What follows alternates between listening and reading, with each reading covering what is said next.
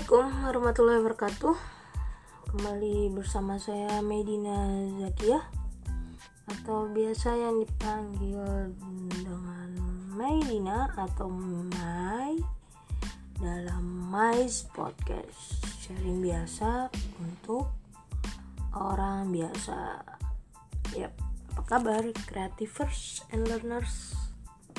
Semoga dalam keadaan baik ya Ya, oke. Okay. Kali ini aku akan ngebahas topik terkait dengan UMKM. Gitu. Yaitu yang berjudul UMKM berdaya. Kenapa enggak? Nah, kali ini podcast Mais Podcast sedikit istimewa karena Uh, khusus episode ini kusertakan dalam kompetisi podcast bicara makroprudensial yang diselenggarakan oleh Bank Indonesia. Dengan subtemanya yang kupilih yaitu UMKM di era new normal topang ketahanan ekonomi nasional. Gitu. Oke lanjut Gimana? Ayo, siapa di antara kamu yang kini lagi ngembangin atau ngebuat UMKM usaha kecil-kecilan gitu? Ada nggak? Ada? Ada pasti ya dengerin. Jangan-jangan malah udah ini lagi apa? Siap untuk skill up cila atau siapa yang suka beli barang atau gunain jasa UMKM ada? Dulu apa ya kalau sepatu kayak Cibaduyut ya yang bagus ya atau apa tuh? Nah kaos sebut merek kayak itu yang di Bandung. Punya kaos yang bagus juga kan? Nah kalau kini sekarang di e-commerce udah banyak kan berbagai macam UMKM bisa kita temui. E-commerce juga udah banyak ini. Walaupun yang unicorn masih beberapa ya. Oke. Nah uh, lanjut ya. Oke gimana?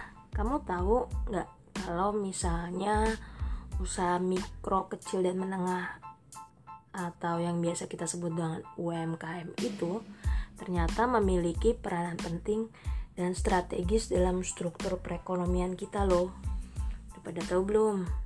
Udah tahu data terakhir tentang perkembangan UMKM terkait uh, eh, GDP atau PDB kita?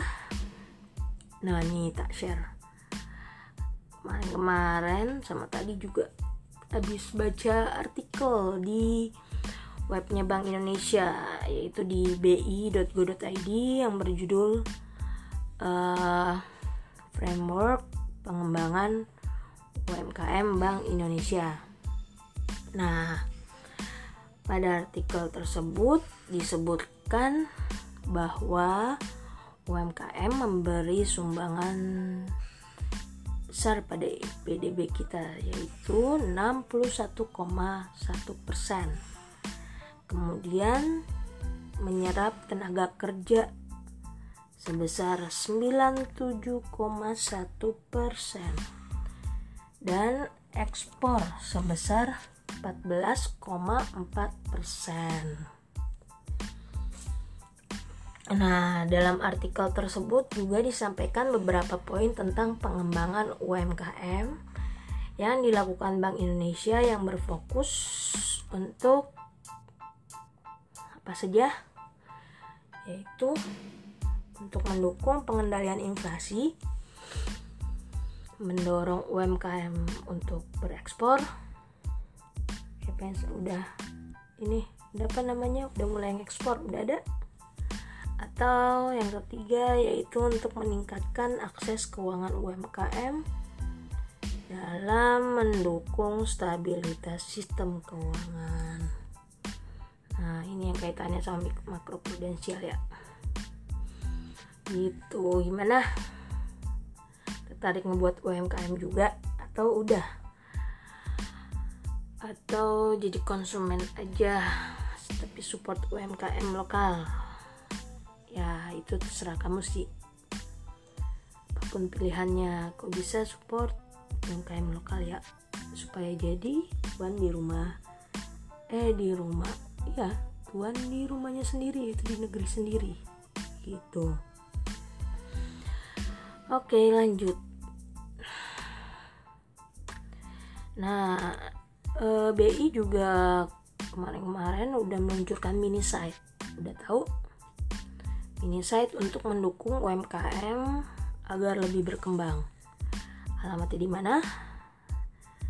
Mini site info UMKM Bank Indonesia bisa kamu akses di https garis miring www.bi.go.id garis miring id garis miring umkm garis miring default.aspx kalau bingung apa namanya? Atau kepanjangan dengerin alamatnya kamu bisa langsung aja ke bi.go.id ntar. Cari menunya yang link ke UMKM gitu. Nah di mini site tersebut kamu akan menemukan info-info yang di antaranya yaitu komoditi UMKM yang potensial dari berbagai daerah profil UMKM yang layak dibiayai. Terus uh, pola pembiayaan komoditi unggulannya apa aja tuh bisa kamu lihat. Terus model bisnis pengembangan UMKM seperti apa? Terutama untuk kamu yang baru ini ya apa namanya buat UMKM ya. Nah terus aplikasi pencatatan informasi keuangan UMKM nah perlu nih. Apps ada appsnya berarti dan sebagainya. Gitu. Selain itu perlu kamu ketahui juga kalau bulan Maret kemarin tahun 2021 yang lalu BI dengan pemerintah berkolaborasi menyelenggarakan kegiatan belanja bersama produk UMKM dengan hashtag eksotisme Lombok. Nah, di event tersebut uh, ditampilkan produk unggulan khas NTB yaitu di antaranya apa kain kopi dan teh nah kegiatan ini merupakan wujud sinergi berbagai pimpinan 15 kementerian dan lembaga yang pada saat itu juga melakukan belanja online produk UMKM NTB secara bersama-sama. Terus masyarakat bisa nyaksiin? Bisa. Bisa nyaksiin secara online, secara virtual di websitenya yaitu apa websitenya sekarang juga masih bisa diakses pas tadi aku cek di karya kreatif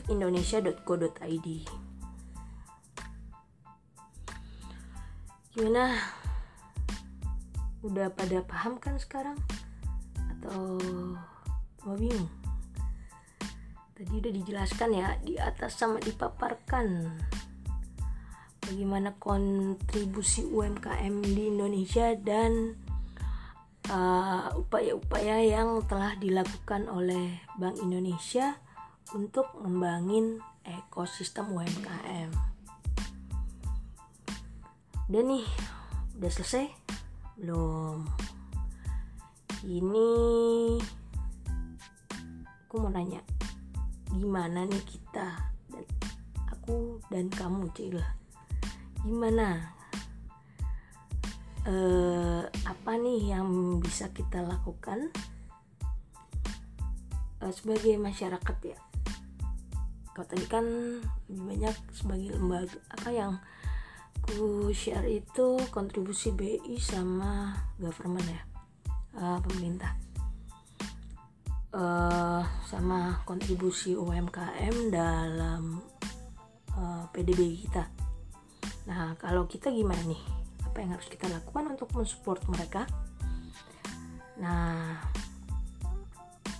gimana nih apa yang kira-kira bisa kamu lakukan untuk mendorong UMKM kita lebih berdaya?